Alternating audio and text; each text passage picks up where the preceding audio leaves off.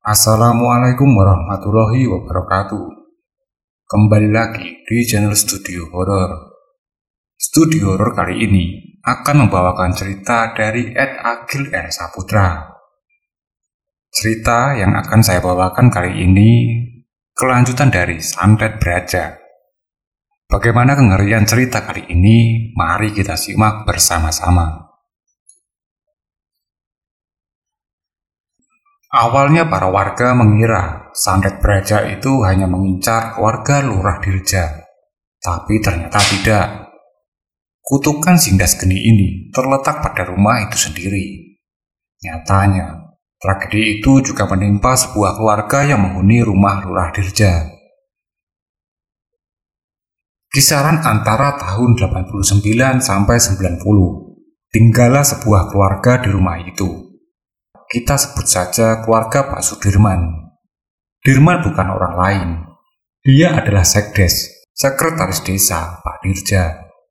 Saat itu, ia juga masih menjabat. Tentunya ia juga tahu seluk-beluk rumah itu. Walaupun tahu kalau rumah itu angker, anehnya ia justru ingin membeli rumah ini. Tapi untuk memantapkan, ia mau menyewa rumah ini dulu Barangkali untuk setahun sampai dua tahun kalau dia merasa mantap. Baru ia benar-benar membelinya.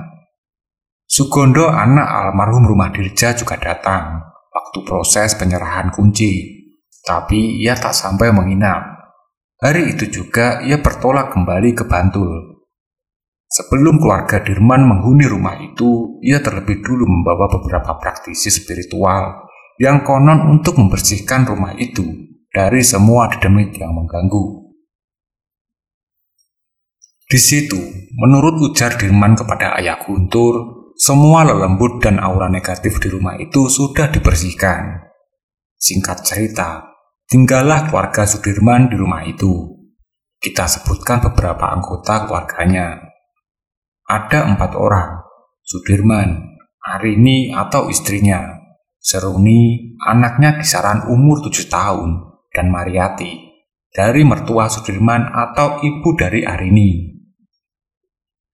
Berita santet ini memang menjadi maksiat karena ketika para warga desa tahu kalau Pak Sekdes atau Pak Dirman tinggal di rumah itu, langsung tersebar kabar burung bahwa Dirmanlah pelaku yang menyandet Pak Lurah Dirja lima tahun silam.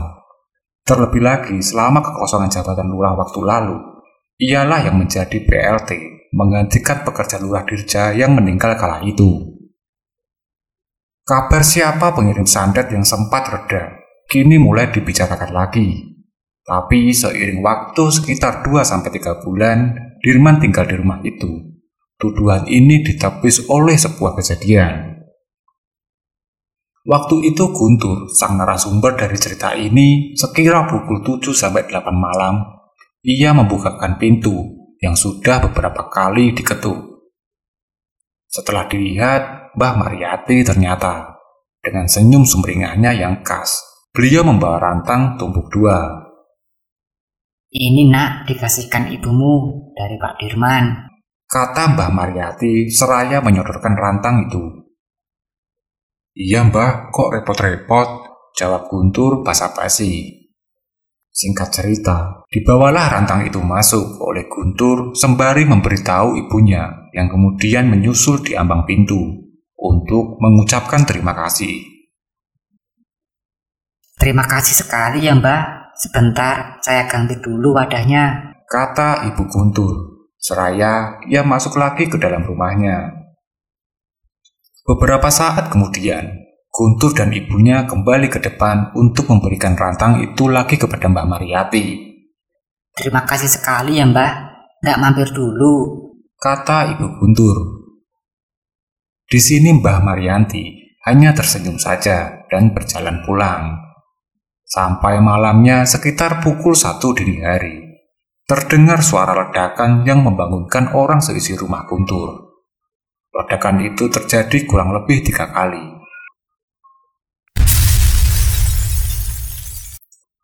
Guntur yang kaget pun langsung keluar kamar, disusul oleh ayah, ibu, dan adiknya yang tengah menangis karena mungkin kaget dengan suara itu. Mereka semua bertemu di ruang tengah dan saling bertanya apa yang terjadi. Di sini, Ayah Guntur sempat menerka, jangan-jangan kejadian itu lagi. Namun beberapa saat kemudian turun hujan deras, dan pembicaraan itu pun berhenti begitu saja. Ayah Guntur pun menyuruh keluarganya kembali tidur, karena mereka harus menyemai tanaman capek esok paginya. Mereka semua kembali masuk kamar masing-masing, hingga esok harinya ketika Guntur dan ayahnya hendak berangkat ke ladang, harus urung karena mendengar suara tangisan dari rumah yang ada di depannya. Suara tangisan itu adalah suara dari Seruni, anak Pak Dirman. Buru-buru Guntur dan ayahnya menghampiri rumah itu. Tapi, belum sampai ia mengetuk pintu.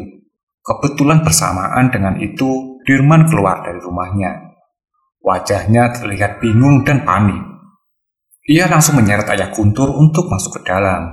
Dan setelah di dalam, terlihat Mbah Mariati yang terkapar di ruang tengah matanya terbuka dan telinganya menghitam. Ia ditemukan sudah tak bernyawa. Di sini Dirman masih tampak syok, berdiri warawiri kebingungan. Istri serta anaknya juga tentu saja menangis, apalagi Seruni yang teriak-teriak histeris melihat neneknya meregang nyawa dengan keadaan seperti itu. Beberapa saat kemudian, warga yang mungkin mendengar kegaduhan mulai berdatangan. Beruntung, Ayah Guntur berinisiatif menutup jasad Mbak Mariati dengan kain jari, sehingga tak semua orang bisa melihat keadaan terakhirnya.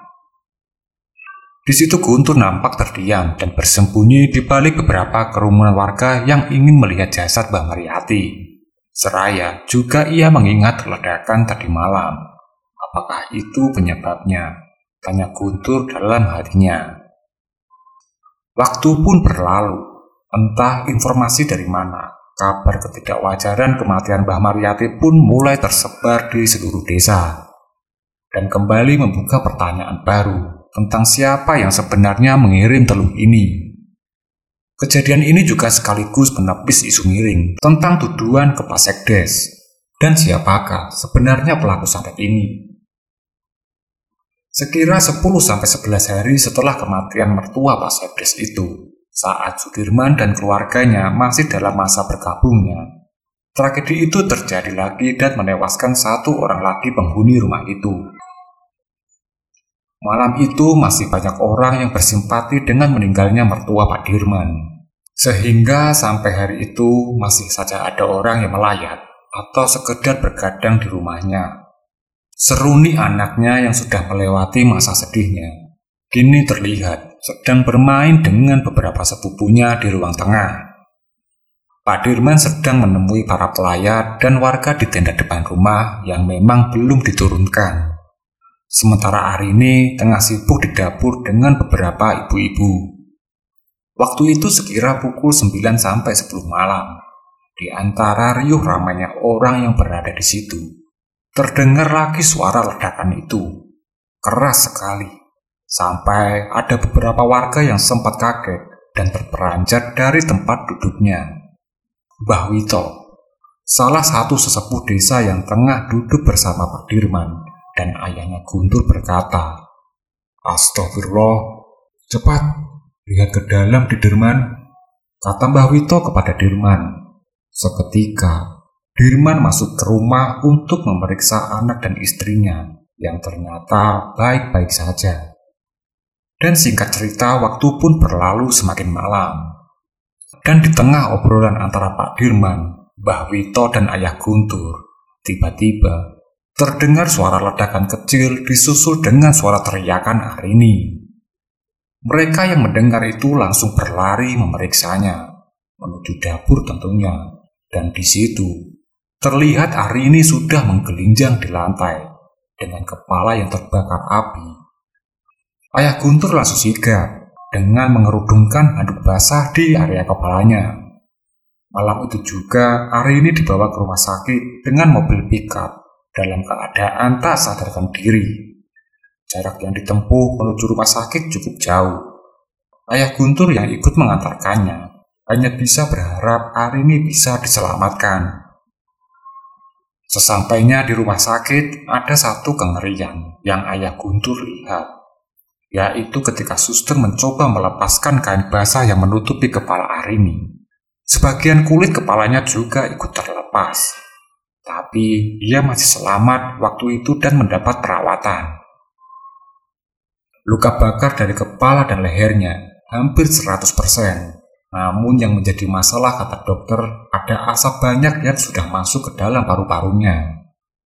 Keadaan sempat membaik, meski ia harus memakai alat bantu pernapasan. Arini juga sempat bisa berbicara dengan para orang-orang yang menjenguknya. Hingga akhirnya, sekira enam hari setelah ia dirawat, Arini meninggal dunia. Mungkin kematiannya masih bisa disebut sebagai kecelakaan. Dengan logika, kompor minyak di dapurnya yang terus-menerus digunakan selama berjam-jam dari pagi hingga malam, sehingga panasnya yang berlebih bisa memicu meledaknya kompor itu. Tapi logika ini menjadi sedikit bias karena beberapa jam sebelumnya sempat terjadi ledakan di atas rumah Pak Dirman.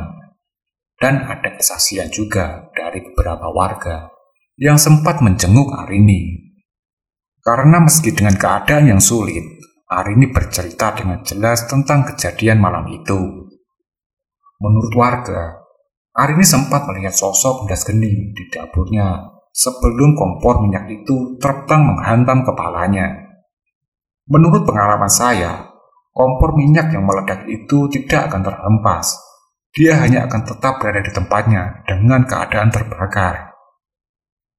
Dan di sini, Arini bercerita kalau kompor itu terbang dan menghantam kepalanya. Apakah ini kecelakaan? Karena itulah cerita Arini kepada orang-orang yang menjenguknya satu hari sebelum ia menghembuskan nafas terakhirnya. Dan diduga kuat, Arini menjadi korban dari santet beraja ini. Tenda di depan rumah Pak Dirman belum sempat diturunkan Bendera lelayu yang mengarah ke rumahnya belum juga dipindah. Kini, benda-benda itu akan bertahan lebih lama di tempatnya dengan meninggalnya Arini, istrinya. Dirman terlihat sangat tertekan, ia langsung jatuh sakit. Mas Bagio, kakak kandungnya yang kini terlihat menyalami para pelayat. Sementara kini Seruni diungsikan ke tempat budinya atau istri dari Pak Bagio karena tak ada lagi yang sanggup melihatnya, apalagi merasakan apa yang kini telah dilaluinya. Singkat cerita, waktu pun berlalu. Sekira 2-3 bulan setelah kematian Arini, tanda-tanda santet beraja atau bundas geni sempat tak lagi muncul. Namun, di suatu malam di pos ronda, para warga yang berjaga dihebohkan dengan bola api yang terbang melintas. Karena beramai-ramai, mereka sedikit mempunyai keberanian sambil membunyikan kentongan. Para warga yang berjaga meneriaki gumpalan api yang sepertinya terbang ke arah rumah Pak Dirman itu. Ayah Guntur yang kebetulan hari itu juga ikut berjaga, terlihat berlari mendahului mengejar bola api itu, diikuti dengan beberapa warga di belakangnya. Minggat, minggat, Allahu Akbar, kata para orang seraya terus membunyikan kentongan. Hingga akhirnya bola api itu berhenti di atas rumah Pak Dirman. Tak henti-henti, warga terus berteriak, walau dengan nada yang terlihat ketakutan. Bola api itu melayang mengitari rumah Pak Dirman hingga akhirnya pergi menjauh tanpa menimbulkan ledakan. Anehnya, Pak Dirman yang harusnya mendengar keributan di luar rumahnya, ia terlihat tak keluar Justru para tetangga yang ada di sebelahnya semua terlihat keluar untuk memeriksa apa yang sedang terjadi. Sampai warga pun pulang dan keesokan harinya Dirman ditemukan gantung diri di dalam rumahnya. Kronologi bagaimana Dirman ditemukan tidak diketahui pasti karena keterbatasan narasumber. Yang jelas, ia ditemukan gantung diri setelah malamnya warga melihat bola api itu berhenti di atas rumahnya. Meski tak terjadi ledakan, tapi warga menduga kuat kematiannya ada hubungannya dengan santet beraja yang semakin tak jelas mengarah ke siapa itu. Tapi menurut Mbah Wito, kutukan santet ini mengarah ke rumah itu. Rumah bekas Lurah Dirja yang saat itu tengah dihuni keluarga Sudirman. Lantas bagaimana Seruni, anaknya? Kebetulan malam itu ia masih berada di tempat Bagio, Pak D-nya atau kakak kandung dari Dirman. Karena sejak ibunya meninggal, Seruni kerap tidur dan diasuh di tempat Bagio. Mungkin Dirman bunuh diri karena depresi, karena satu persatu orang yang ada di rumahnya meninggal. Tapi anggapan itu kembali rancu ketika salah satu warga yang ikut memandikan jasadnya bersaksi melihat tanda gosong di punggung dan telapak tangan Dirman. Beberapa praktisi supernatural sempat mencoba menelaah dan mengatasi fenomena ini. Tapi di akhir, upayanya kebanyakan mereka mengatakan tak sanggup. Singkat cerita, Seruni yang menjadi yatim piatu kini diasuh oleh keluarga Bagio namun sekira dua tahun kemudian Seruni meninggal, mungkin di usia 9 sampai 10 tahun. Penyebabnya tak jelas, ada sumber yang mengatakan karena epilepsi, ada juga yang mengatakan karena lupus. Singkat cerita, sekitar tahun 93 sampai 94, Sugondo anak Lurah Dirja pewaris sah rumah tragedi itu, pulang dan mewakafkan rumah itu untuk desa. Dan akhirnya rumah itu digempur ratakan. Dan sekarang berubah menjadi lapangan voli. Tentang siapa sebenarnya pengiriman santet itu masih belum jelas. Karena akan muncul juga beberapa orang yang tertuduh. Sekian cerita dari studio horor dan semoga terhibur. Wassalamualaikum warahmatullahi wabarakatuh.